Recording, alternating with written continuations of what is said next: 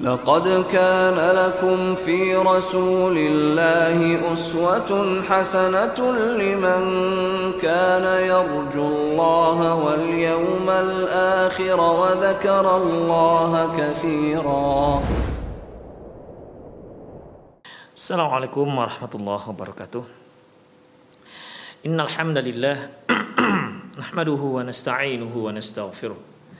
ونعوذ بالله من شرور أنفسنا وسيئات أعمالنا. من يهده الله فهو المهتد ومن يضلل فلن تجد له وليا مرشدا.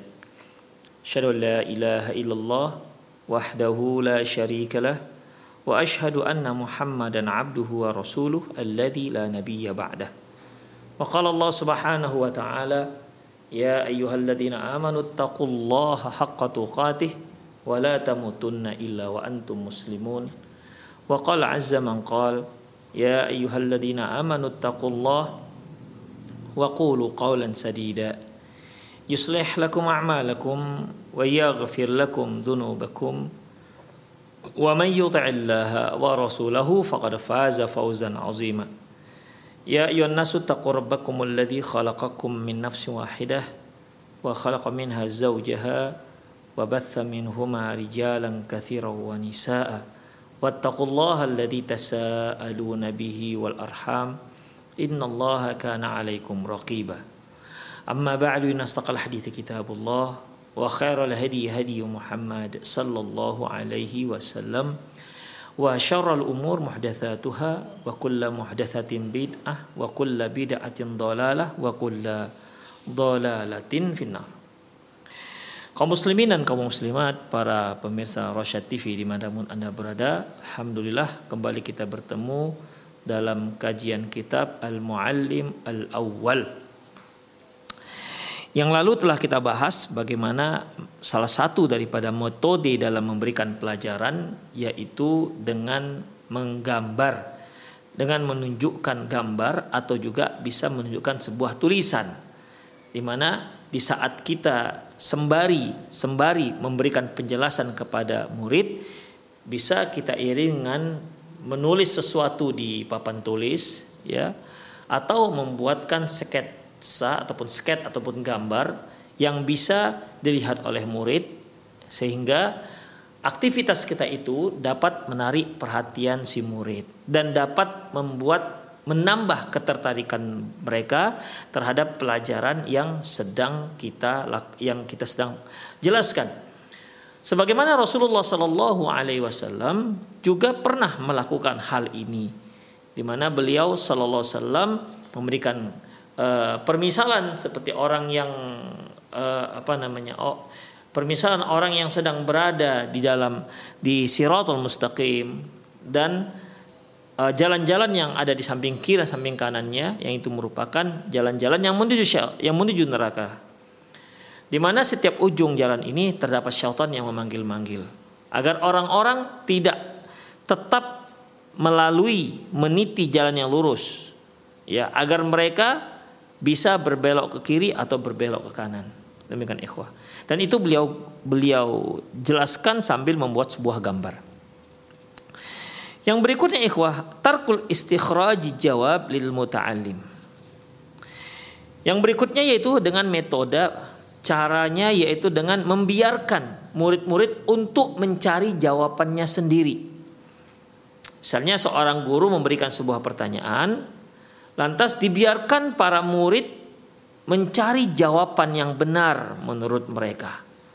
Menurut uh, apa yang mereka fahami. Inna tarkal muallimi taliba yastakhrij jawab nafsihi wasilatun nafi'atun fi i'mali dhihn. Sesungguhnya seorang guru jika mereka membiarkan, menyerahkan satu pertanyaan, membiarkan satu uh, jawaban terhadap satu pertanyaan mereka, satu pertanyaan, ya, ini dapat ini merupakan cara yang bagus, cara yang bermanfaat untuk dapat menggugah, menggugah pikiran mereka, ya, dapat menggugah pikiran mereka wa tahriduhu ala tafkiri wal idal wal idla'i bil jawab dan dapat memicu pemikirannya serta dalam dapat memicu pemikiran dan untuk mencari jawabannya. Demikian ikhwah. Jadi di sini uh, guru ya seperti memberikan satu apa namanya membiarkan memberikan satu PR lah kepada sang murid. Ini saya punya Bapak punya pertanyaan ini silahkan kalian cari apa jawabannya. Apakah dia mereka meminta apakah nanti sang guru uh, apa namanya meminta harus jawabannya pada saat itu juga. Oleh karena itu mereka harus berpikir pada saat itu juga atau mungkin ini dijadikan sebagai pekerjaan rumah, PR rumah yang mereka cari di mana ada jawabannya. Atau mungkin ikhwah, sang guru setelah memberikan pertanyaan ini beberapa saat dia akan dia nanti akan memberikan jawaban yang sebenarnya. Demikian ikhwah. Ya, jadi dengan dengan cara memberikan pertanyaan, nah ini mulai apa namanya menggugah pemikiran mereka, menggugah uh, memicu kecerdasan mereka untuk berpikir apa sih jawaban apa yang di yang ditanyakan oleh Pak Guru. Nah, demikian. Memang ikhwah tidak semua juga sih sebenarnya murid mau respon ya, mau tergugah dengan cara seperti ini. Ya dulu mungkin kita, mungkin juga jangan-jangan kita termasuk orang yang tidak ada respon. Ya sudah, yang lain kan bisa jawab, nah, begitu. Ya, tapi bagi murid-murid yang memang mereka cerdas ataupun mereka memang tergugah mereka tertarik dengan pelajaran itu, mereka bagaimanapun akan berupaya ingin mencari apa sih jawabannya. Demikian ikhwah.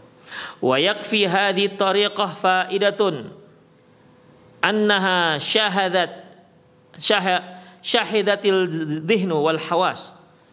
Ya.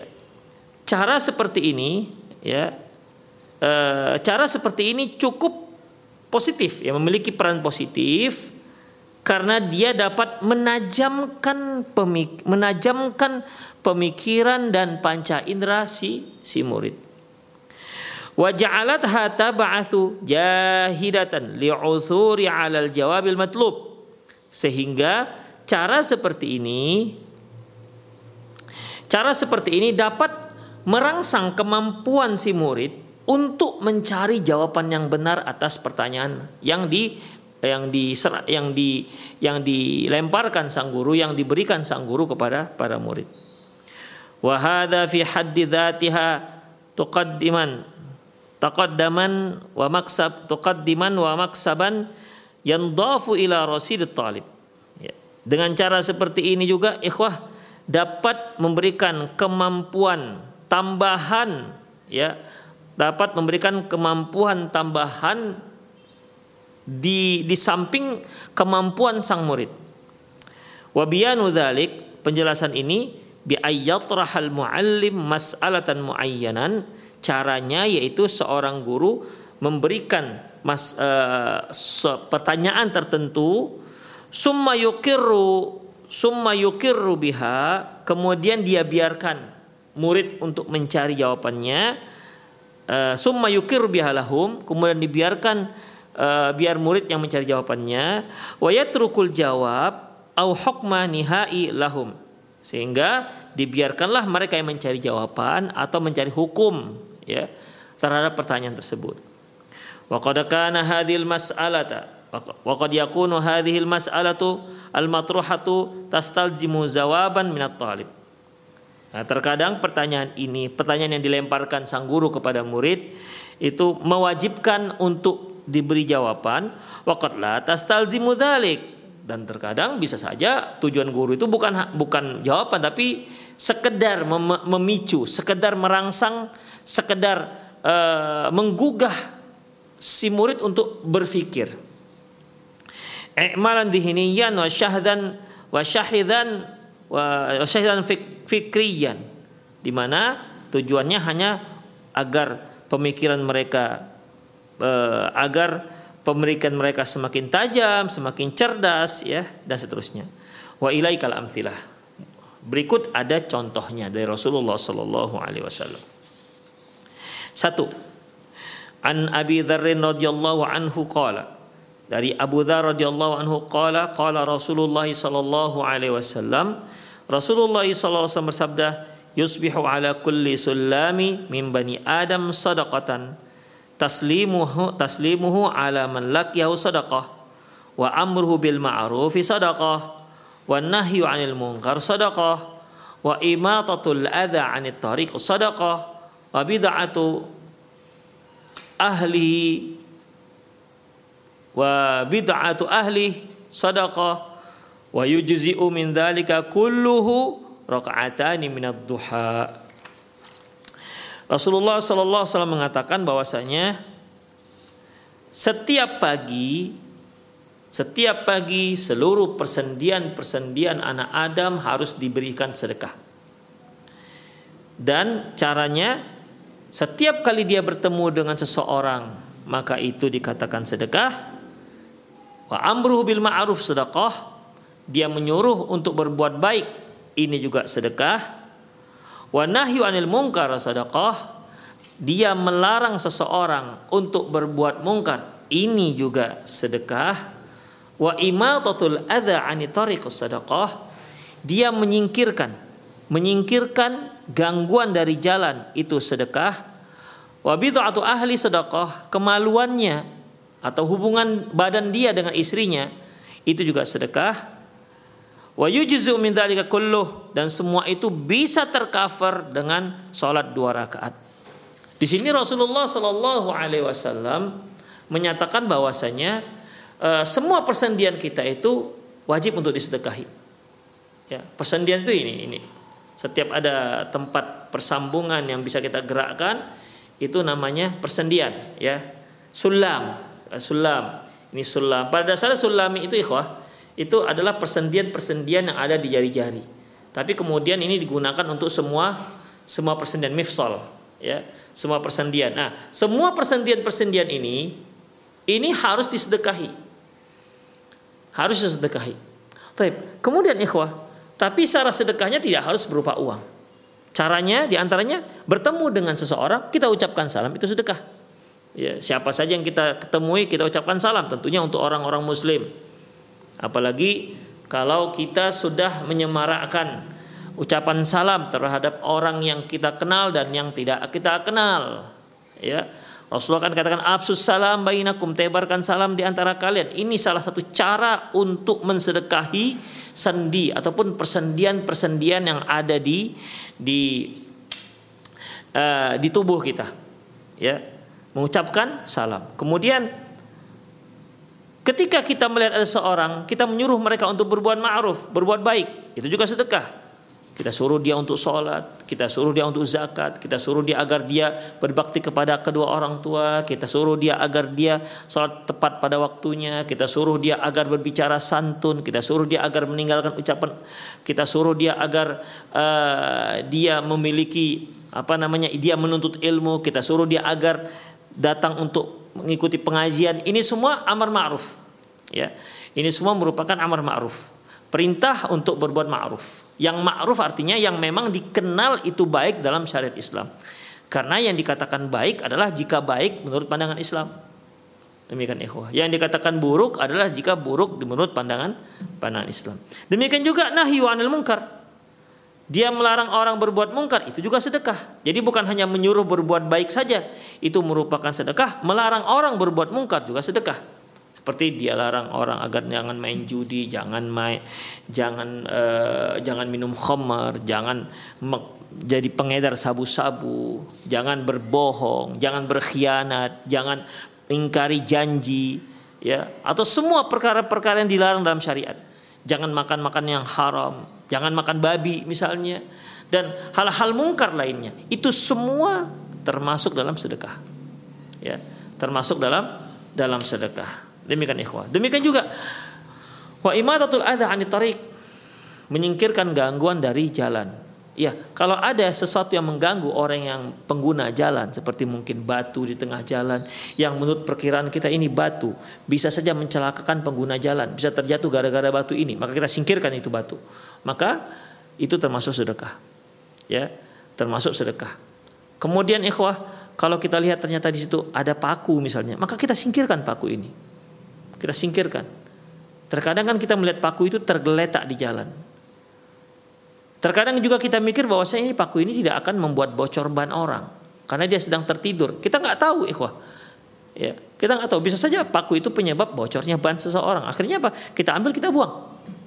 Ya, kita ambil kita buang. Apa saja yang memungkinkan yang ada kemungkinan mengganggu orang-orang yang menggunakan jalan, mengganggu orang-orang yang melintas menggunakan jalan tersebut, maka itu dikatakan sodakoh.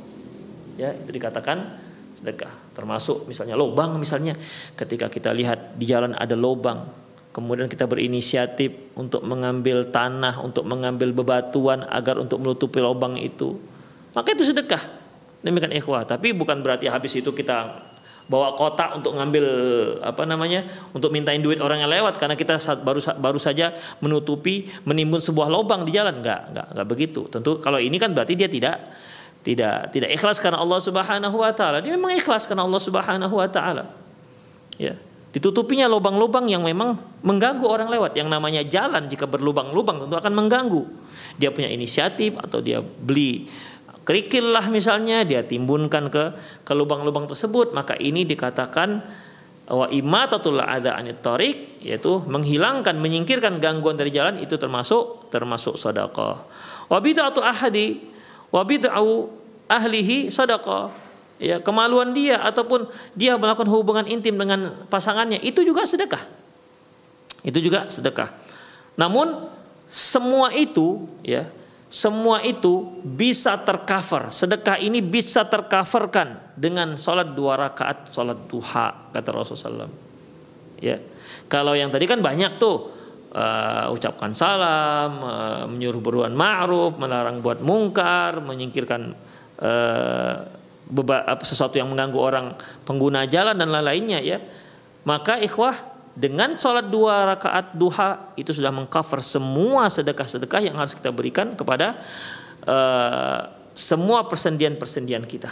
Demikian ikhwah. Cukup dengan sholat dua dua rakaat. Kalau ya Rasulullah ahaduna yaqdi syahwatahu wa yakunu lahu sadaqah. Seorang sahabat bertanya ya Rasulullah Apakah menurut Anda seorang itu mendatangi, menyalurkan syahwatnya kepada pasangannya? Terus apakah itu sedekah?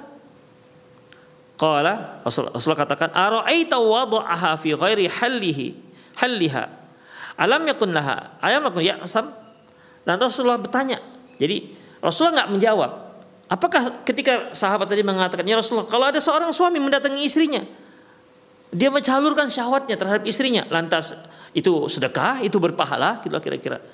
Rasulullah Shallallahu Alaihi Wasallam tidak menjawab pertanyaan ini, tapi Rasulullah malah memberikan pertanyaan supaya dia mikir.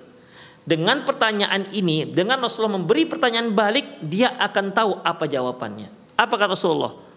Terus seandainya, seandainya dia melakukan hal itu kepada wanita yang haram bagi dia, bukankah dia berdosa? Ini kan sebenarnya bukan jawaban bukan jawaban daripada pertanyaan tadi, ya.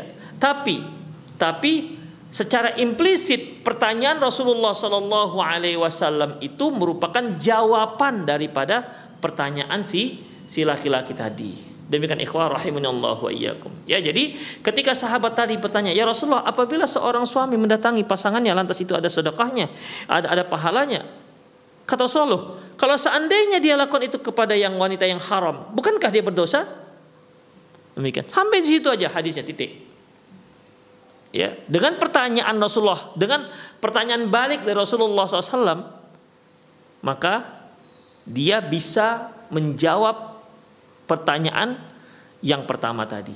Demikian ikhwah. Artinya seandainya jika seorang laki-laki melakukan hubungan badan dengan wanita yang tidak halal, dia berdosa. Berarti kalau dia lakukan itu, hubungan itu dengan wanita yang halal bagi dia, maka dia akan ber, berpahala itu maksudnya. Wa qawlu sallallahu alaihi wasallam fil hadis uh, pernyataan Rasulullah SAW dalam hadis Ara'aita law wada'aha fi ghairi halliha? Alam yakun ya'zam? Beliau katakan bukankah jika dia lakukan itu kepada perempuan yang tidak halal baginya bukankah dia berdosa? Fal jawab, jawabannya tentunya wa ingka namaskutan anhu. Fal jawab, ada pun jawabannya. Walaupun tak disebutkan di situ jawabannya. Fahuwa in wada'aha fi ghairi halliha alam yakun ithman yaitu kalau dia lakukan itu dengan yang tidak halal bukankah dia berdosa? Fal jawabu ingkana maskutan anhu maka jawabannya walaupun dia tidak disebutkan fahuwa in wada'ah fi halliha fahuwa lahu sadaqah yaitu apabila dia lakukan dengan istrinya yang halal terhadap dirinya maka itu sedekah. Alaisa hada i'mal bukankah ini termasuk memicu uh, apa namanya pemikiran agar uh, untuk mendapatkan jawaban? Demikian ikhwah rahimanallah wa iyyakum. Jadi di sini ketika sahabat memberikan pertanyaan beliau nggak katakan uh, iya atau tidak. Demikian iya atau tidak. Tapi beliau memberikan pertanyaan balik. Dengan pertanyaan balik ini, si sahabat akan berpikir, langsung berpikir dan dia langsung mendapatkan jawabannya dari pertanyaan balik Rasulullah SAW. Dengan pertanyaan balik dari Rasulullah SAW, dia mendapatkan jawaban atas pertanyaan yang dia lontarkan kepada Rasulullah SAW. Yang kedua, an Abi Hurairah radhiyallahu anhu qala. Dari Abi Hurairah radhiyallahu anhu qala dia berkata, "Ja'a rajulun min bani ja'a rajul min bani Fuzarah ila Nabi sallallahu alaihi wasallam.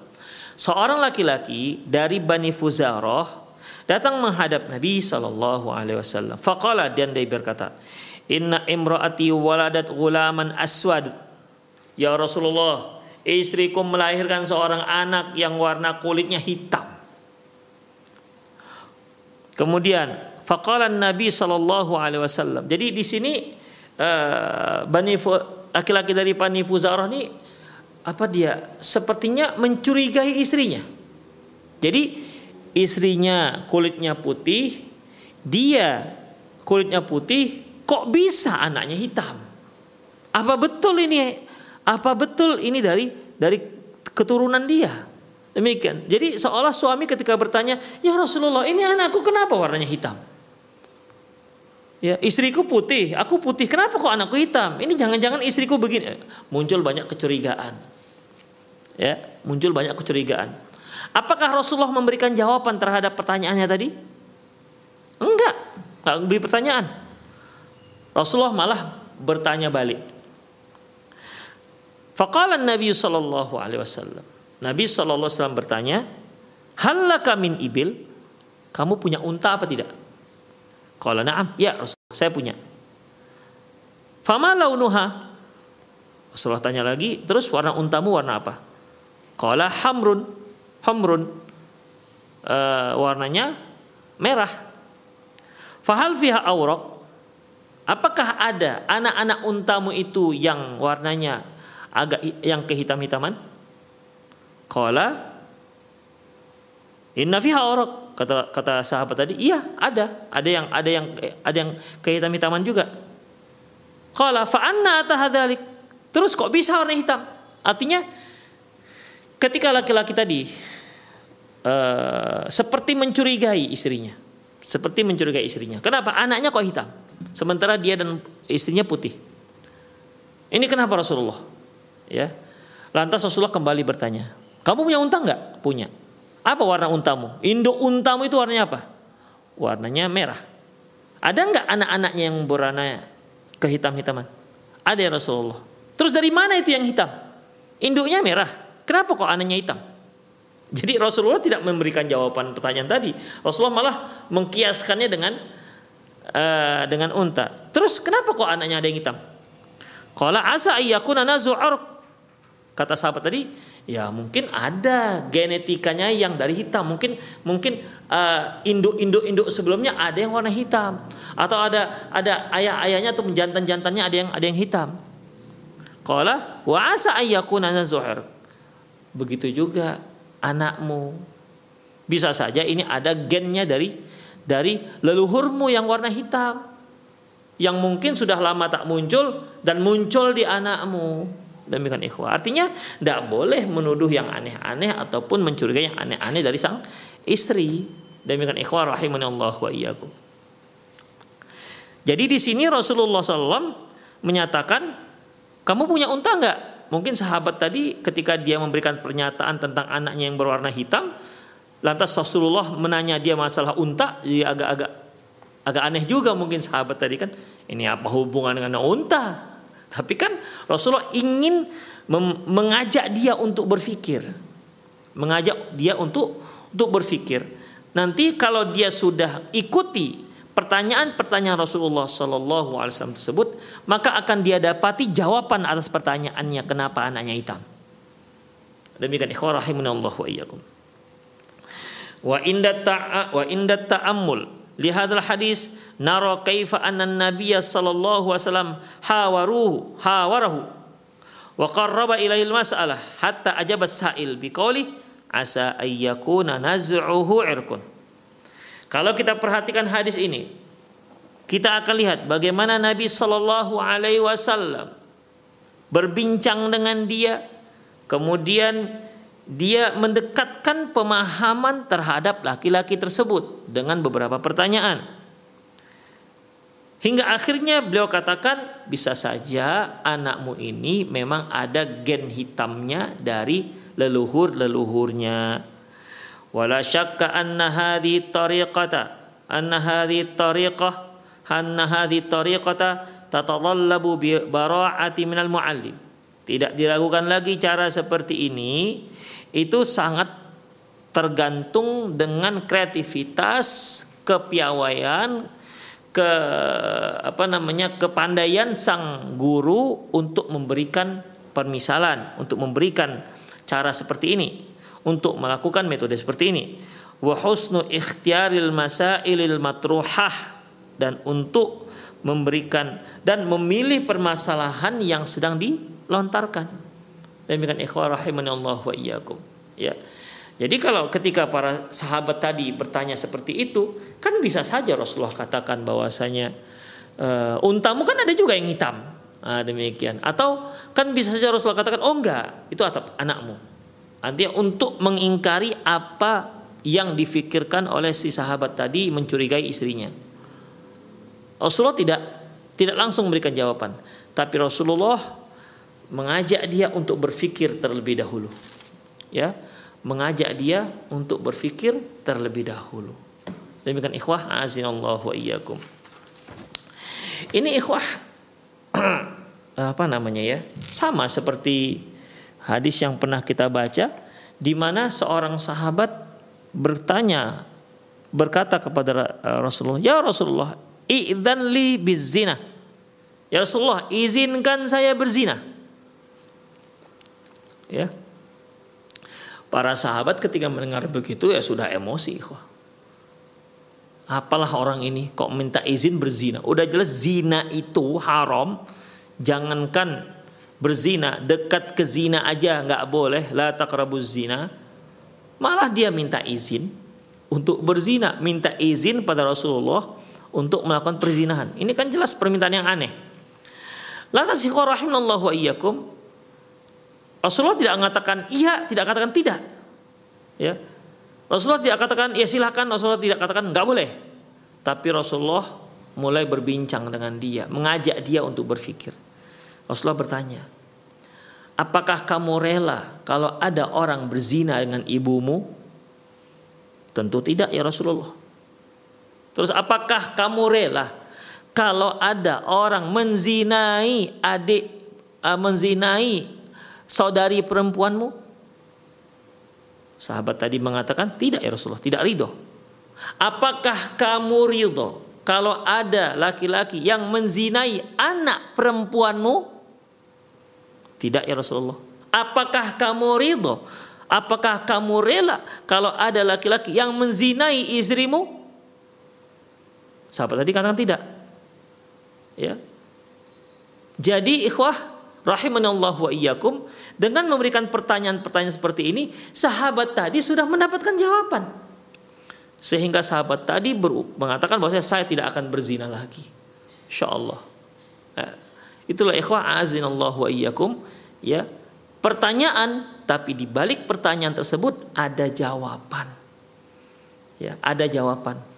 Jawaban atas pertanyaan sebelumnya. Ya, seperti sahabat tadi. Dia bertanya tentang anaknya kok warnanya hitam. Rasulullah tidak katakan iya dan tidak. Rasulullah tidak jawab pertanyaan ini. Rasulullah hanya memberikan membawa dia uh, untuk berpikir, untuk pendekatan pikiran terhadap apa yang sedang dia pertanyakan, apa yang sedang dia sanksikan, apa yang sedang dia curigai dari anak tersebut. Dengan cara uh, melakukan apa namanya pengkiasan dengan dengan unta. Oleh karena itu seorang guru dia jika dia mau menggunakan metode seperti ini dia harus memiliki kecakapan, kepiawaian untuk memilih satu permasalahan. Wa mura'atul basatatu wasuhulatu fiha. Dia harus perhatikan juga ya, dia gunakan metode seperti ini dengan dengan uh, metode yang di mana permasalahannya permasalahan yang mudah ya, yang mudah. Wa taqribu agar bisa lebih mudah untuk mendekatkan pemahaman. Bidzikril qara'in dengan menyebutkan beberapa qarinah-qarinah qarinah ini uh, dengan menyebutkan beberapa eh, penilaian-penilaian yang bisa menguatkan wal ahwalul musahabah dan kondisi-kondisi dalam dalam musahabah tersebut. Kondisi-kondisi terkait dengan musahabah yaitu pertemanan. Jadi di sini ikhwah rahimallahu wa iyyakum uh, Rasulullah Shallallahu alaihi wasallam menyebutkan korinah-korinah. Seperti unta disebutkan korinah-korinahnya atau apa namanya uh, apa ya penguat-penguat. Beberapa data-data yang bisa menguatkan untuk jawaban tersebut. Ya untuk jawaban tersebut. Seperti yang sahabat tadi ketika dia minta izin untuk berzina Rasulullah katakan, suka kamu ada orang berzina dengan ibumu.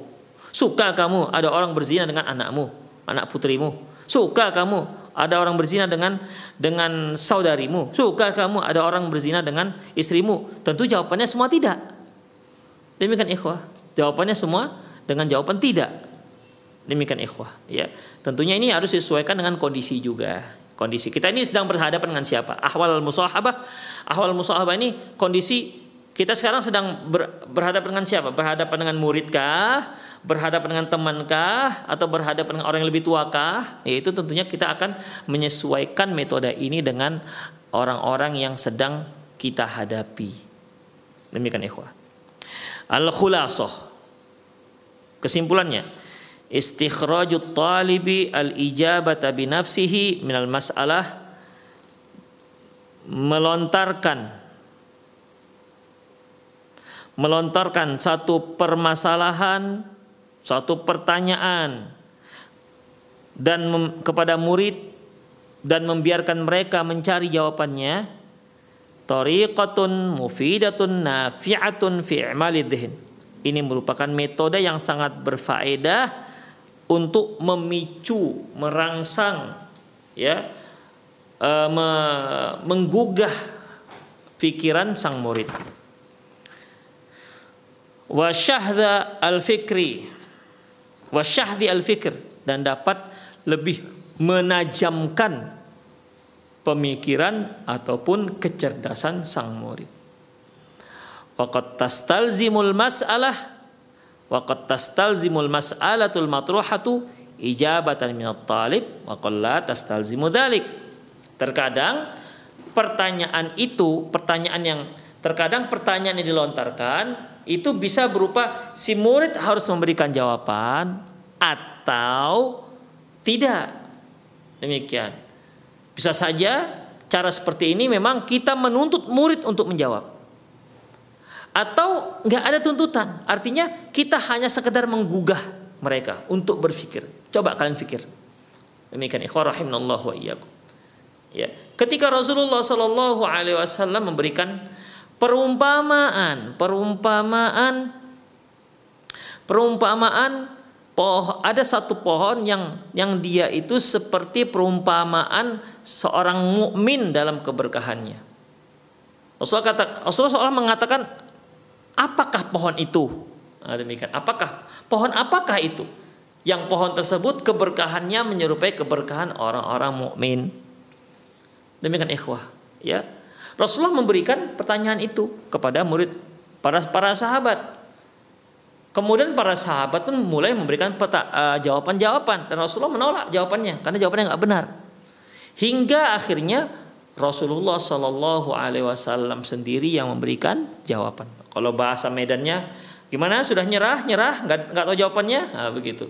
Diberikanlah jawabannya. Pada waktu itu Abdullah bin Umar sudah tahu jawabannya. Dia adalah pohon kurma, tapi beliau segan untuk memberikan jawaban karena di sana banyak sahabat-sahabat senior.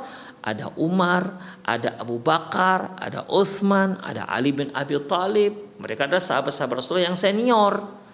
Beda halnya dengan Abdullah bin Umar yang masih kecil, masih junior. Namun begitu pun ketika dia pulang, dia ceritakan jawaban tersebut yang sebenarnya sudah ada di pikirannya. Dia ceritakan kepada ayahandanya itu Umar bin Khattab. Ya sebenarnya tadi saya tahu jawabannya tapi saya segan ngasih taunya.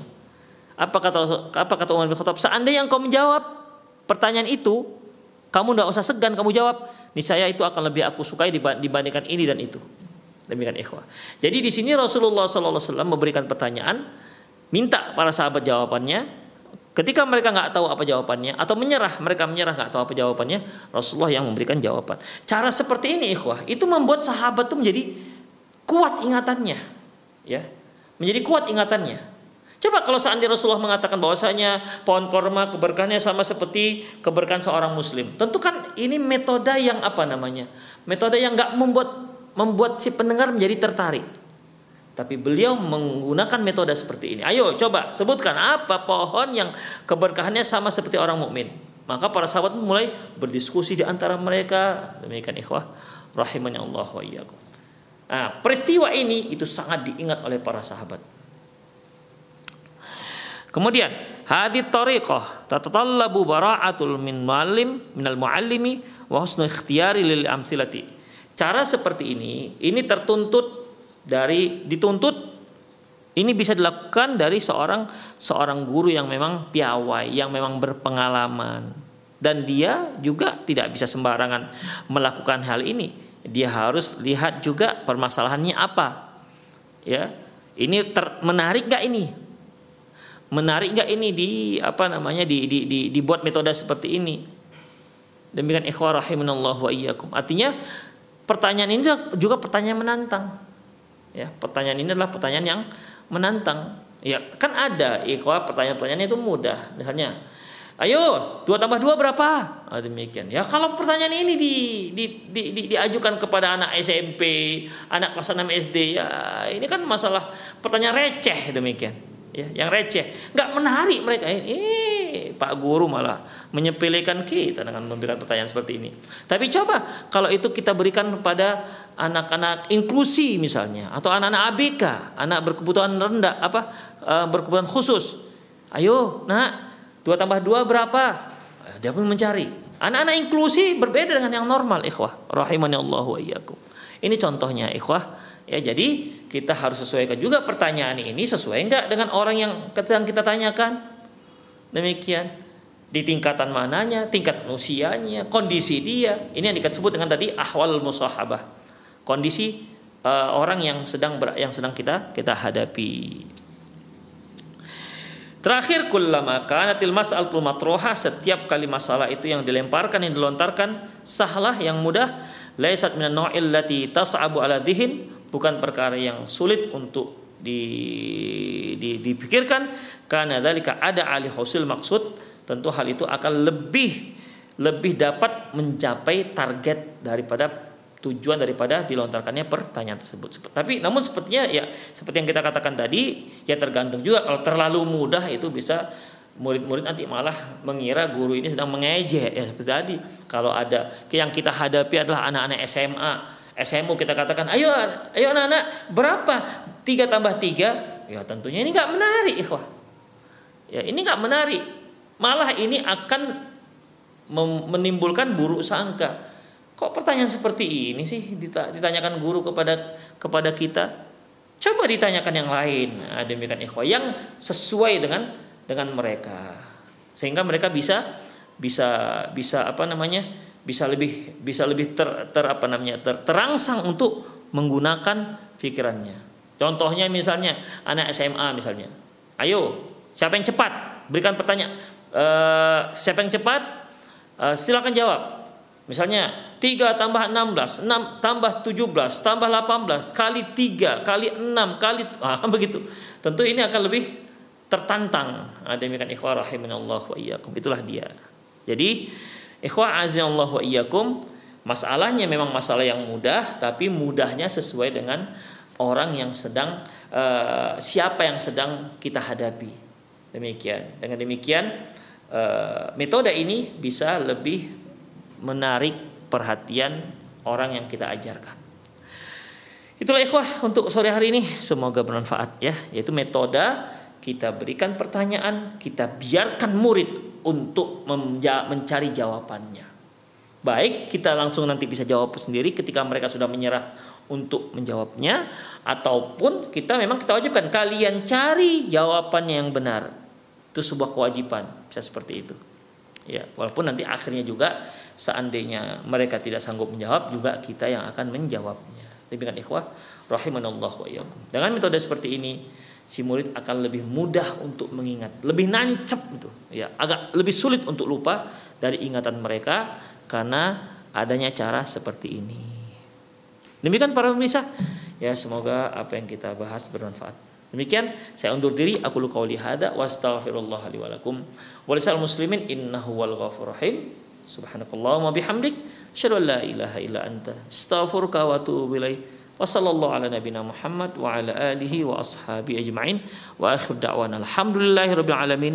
Assalamualaikum warahmatullahi wabarakatuh.